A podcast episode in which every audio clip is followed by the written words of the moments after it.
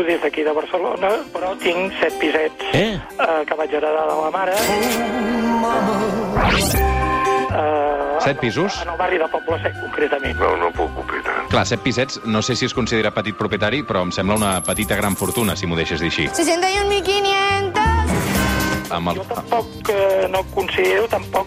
A veure, no, no és una gran fortuna, Por favor, home, per l'amor de Déu. Penalitza l'especulació.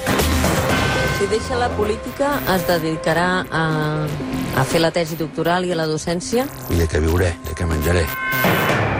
No en tindria prou. Jo sóc una bona persona i ho sap tothom. La setmana tràgica.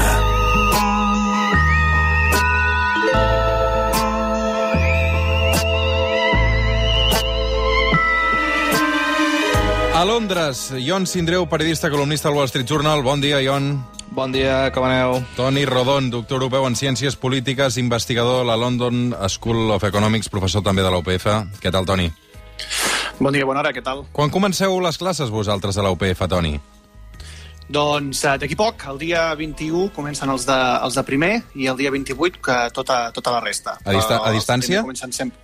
Uh, bé, no, fem un, fem un model híbrid uh, Mm. que bàsicament consisteix en que la, les classes teòriques són online i després tots els seminaris són, són presencials. Els seminaris són uh, aquests grups més petits uh, de classe uh, que, per tant, permeten aquesta, mantenir la distància social. Eh, Vosaltres, quan éreu petits, estàveu nerviosos els dies de, de la tornada a l'escola, la nit abans? Us costava dormir o no, Ion?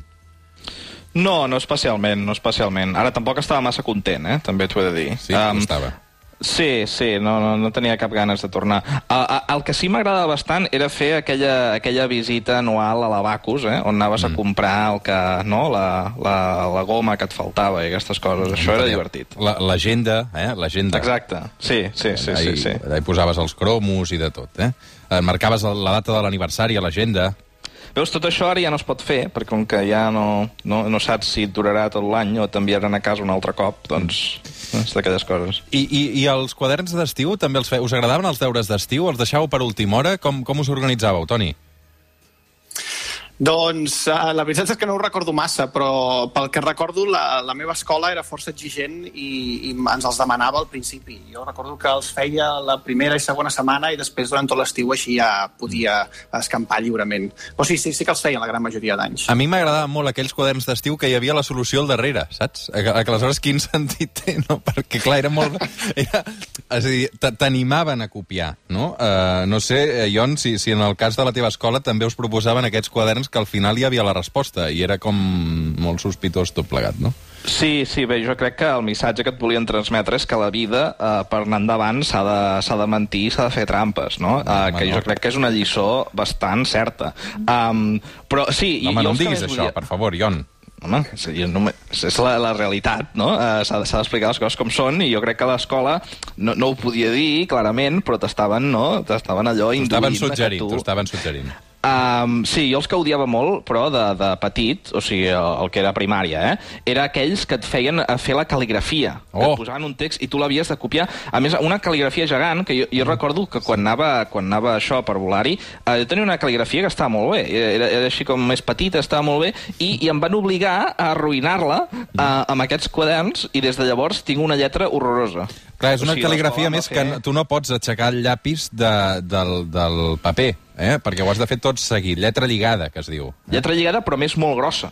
Que, que això cap persona normal escriuria així perquè es pensaria que estàs boig. Llavors, eh, clar, la, la idea, eh, d'alguna manera, era que fent això de, de petit, després eh, tu t'adaptaries a, a fer-ho, eh, no? a fer una lletra normal que mai t'ensenyen a fer. Llavors, clar, si tu ja més o menys tenies una lletra normal, això et destrossava totalment per tota la vida. I ha estat així, eh? és de, les- de les coses que més agraeixo a l'escola.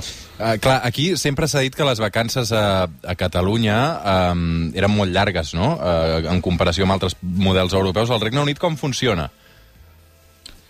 Bé, no el, el són Reg... tan llargues. Digues, sí, no, Toni, no, digues, Toni. exacte. No, anava a dir que el, el Regne Unit eh, és un model bàsicament molt semblant al resta de països d'Europa. Tenen moltes menys eh, vacances eh, durant l'estiu, també perquè això, clar, aquí hi ha una qüestió de tradició, diguéssim, eh, eh, moldejada per la geografia. No? Aquí l'estiu eh, el sol eh, desapareix molt, molt ràpidament i, per tant, els horaris també s'han adaptat a això. Llavors, durant l'any el que tenen són més, eh, més vacances. No? Van fent eh, allò, una setmana de vacances al mig del primer trimestre, després al segon trimestre ho tornen a fer. Per tant, és un model més tradicional europeu, que el curs dura més, però també tens més eh, pauses entre mig. Mm -hmm. 5 minuts per arribar a un quart d'onze del matí. Som al suplement, som a Catalunya Ràdio. Això que sona és la setmana tràgica, economia i política, de la mà del Ion Sindreu i el Toni Rodon. Avui que obrim curs escolar, um, ens fixarem um, d'alguna manera amb aquest uh, calendari econòmic i també polític um, que tenim uh, a la vista, condicionat, evidentment, um, per aquesta situació de pandèmia. Posem-hi banda sonora. Luego, señoría, lo que no puede ocurrir es lo que, insisto, algunas veces vemos que es una tanda de reproches o de petición de respuesta a la propia administración, al propio gobierno... Així d'indignada estava la ministra d'Hisenda, Maria Jesús Montero, aquesta setmana en veure que perdia la votació per poder disposar dels romanents dels ajuntaments en la lluita contra el coronavirus, a banda d'una derrota política. Um, això vol dir que no hi ha ni un duro a la caixa, um, Sindreu? Ho dic perquè, clar, uh, la idea del govern central era agafar els diners de, dels ajuntaments per poder cobrir despeses de la pandèmia. I, clar, els ajuntaments han dit que ni parlar-ne d'això. Home, a veure, pri primer de tot, això del diner a la caixa, jo sempre dic que, que, no, que és un concepte complicat, no? perquè aquí al final eh, el diner és una ficció i el diner és una cosa que, que el Banc Central Europeu pot crear infinitament. I, de fet, eh, durant aquesta crisi, es, tot i que això sempre és així, eh? és a dir, el Banc Central Europeu sempre està allà donant suport a, a, al deute dels governs, perquè si no ens n'anirien a fer punyetes. Però durant la crisi encara s'ha fet més explícit, eh? per una mica acabar amb els dubtes dels mercats mercats. Per tant, la capacitat del govern espanyol d'endeutar-se, eh, de moment, sembla ser a eh, prop d'infinita. Eh?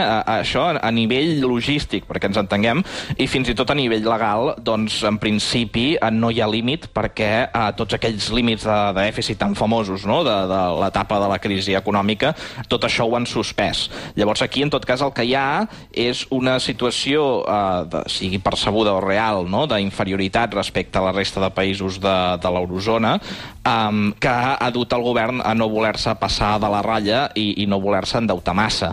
Um, evidentment s'ha endeutat força, eh, perquè tots aquests ERTOs i tot això s'han de pagar, però si mireu la comparativa amb altres uh, països desenvolupats, Espanya està a la cua pel que fa en despesa directa. Eh? Allò, és a dir, agafar calés no? i donar-los a la gent.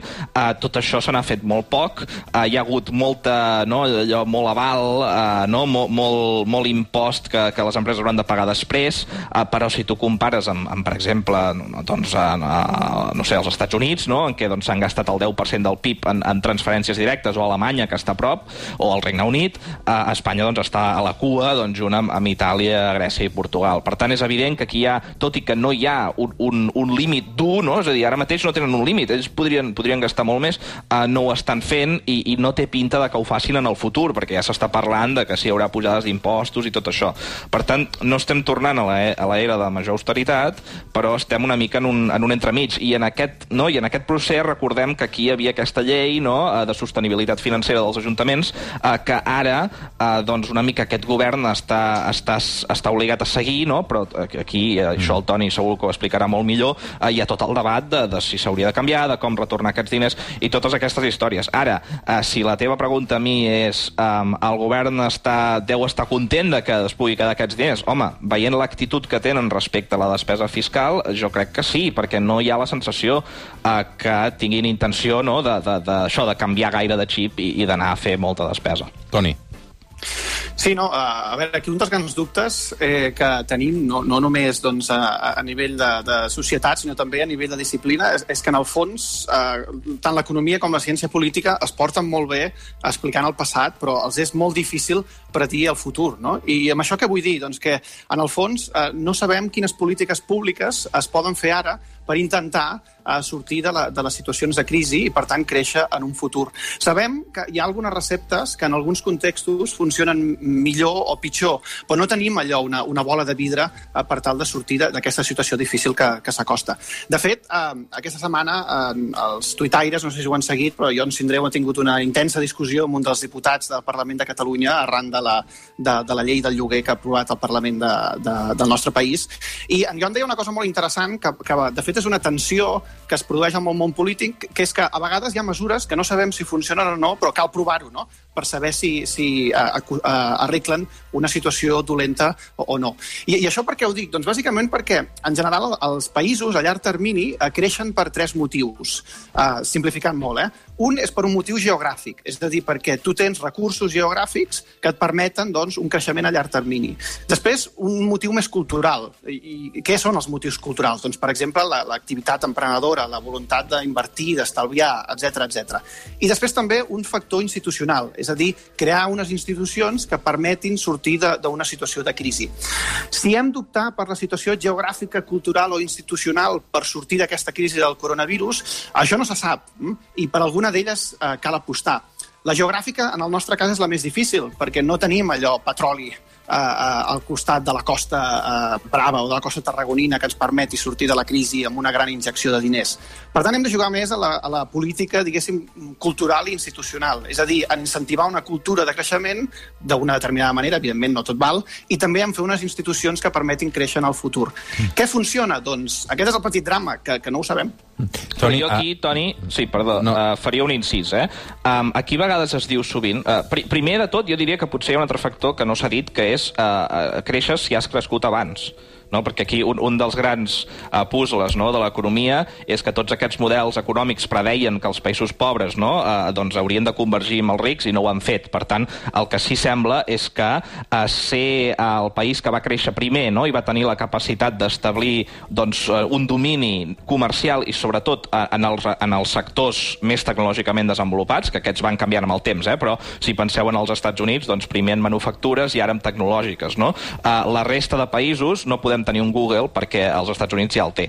Um, I l'altre factor uh, és, el, el, el, el Toni deia, l'estalvi. No? L'estalvi, hi ha molta gent que sovint l'associa al creixement, i això ve molt de, de, dels llibres d'economia, però uh, una cosa que, que és molt important uh, remarcar és que això és un concepte erroni, eh? uh, perquè quan els llibres d'economia parlen d'estalvi no estan parlant de que tu, quan t'arribi no, el, el, el, el sou del mes, estalvis més. Aquesta idea de que l'estalvi és bo pels països es basa en una altra idea que no té res a veure amb l'estalvi de la gent normal. És un estalvi eh, que, per entendre'ns, si el tradueixes vol dir fer moltes fàbriques. Eh? I, i, I per què es diu estalvi en tema macroeconòmic és, és un altre debat, però no refereix a que tu estalvis. De fet, si nosaltres estalviem més, això sí que sabem eh, que serà pitjor per tothom, perquè si tu estalvies més, eh, doncs el senyor qui li compres no, el pa cada dia eh, doncs tindrà menys ingressos. I, de fet, eh, tot i que és evident que no sabem la, això, no, la demanda, no, fins a quin punt importa, sabem que que importa segur. I si, i si us hi pareu a pensar, eh, si ningú hagués cobrat ERTES no? o er, ERTOs durant aquesta, aquest període de confinament, crec que poca gent argumentaria que l'economia hagués anat millor. Eh? De fet, mm. segur que estaríem encara més enfonsats. Ion, eh, fa mig any ja del, del confinament, eh, recordo que molts economistes van fer previsions, i, i ara que parlàvem de cal·ligrafia, sobre la forma que tindria de lletra, que si seria una B baixa aquesta crisi, que si seria una L, és a dir, una caiguda i, i anys de dificultats, que si una W amb un rebot i després una altra caiguda. Uh, tenim resposta ja per dibuixar uh, com serà aquesta crisi. Ho dic perquè segurament si comparem aquesta crisi amb la del 2008, uh, pel que fa a l'economia, uh, hem sentit menys gurús no? i menys gent que s'ha atrevit a fer previsions, segurament, no? econòmics. Sí, perquè aquesta ha estat una crisi que, que allò no, en, en l'argot se li diu eh, exògena, no? que vol dir que eh, no és que com la crisi del 2008, que l'economia feia les seves coses i aquestes coses van, ho van destruir tot, sinó que ens ha passat una cosa una mica externa, no? que ha arribat un virus. I llavors, clar, aquí és molt més difícil eh, tu eh, dir, bé, és que la causa és aquesta, econòmicament parlant, i per tant no, la recuperació també serà així. Clar, no es pot saber, eh, i tot depèn d'aquesta vacuna.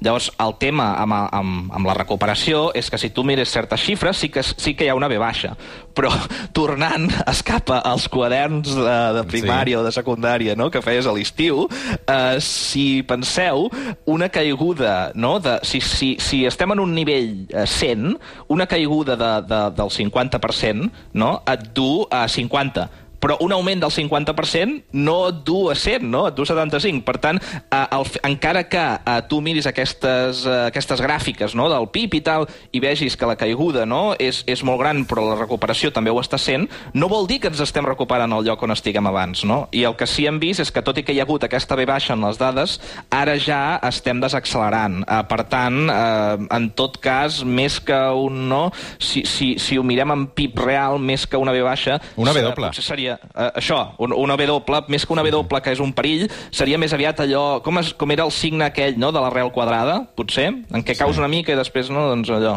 Um, sí. Toni, uh, porta tu el terreny polític. Per què sempre que ve una crisi uh, econòmica que afecta de tota Europa o tot el món uh, fa la sensació que, que, que l'estat espanyol ens toca més al rebre que la resta? Bé, això, això a nivell polític és, és difícil de dir, més, més aviat seria a nivell econòmic, no? per l'estructura econòmica de, de, de la societat que té l'estat espanyol, que fa que sigui particularment difícil eh, superar les crisis. En tot cas, per, per estirar una mica el nivell eh, polític, aquí és important diferenciar un concepte, que és que la, la crisi o les crisis econòmiques també són una percepció, són, són subjectives. És a dir, eh, m'explico, que caigui el, el PIB un 20%, això evidentment és objectiu perquè són dades, però aquesta informació, quan la gent ho, uh, ho filtra, uh, es pot llegir de, molt, de moltes maneres diferents. No? I aquí és quan actua una cosa que coneixem que funciona, que es diuen les ulleres ideològiques. I què són les ulleres ideològiques? Doncs bàsicament volen dir, és aquest procés que tenim tots de filtrar la informació que rebem en funció de la nostra ideologia prèvia. Mm?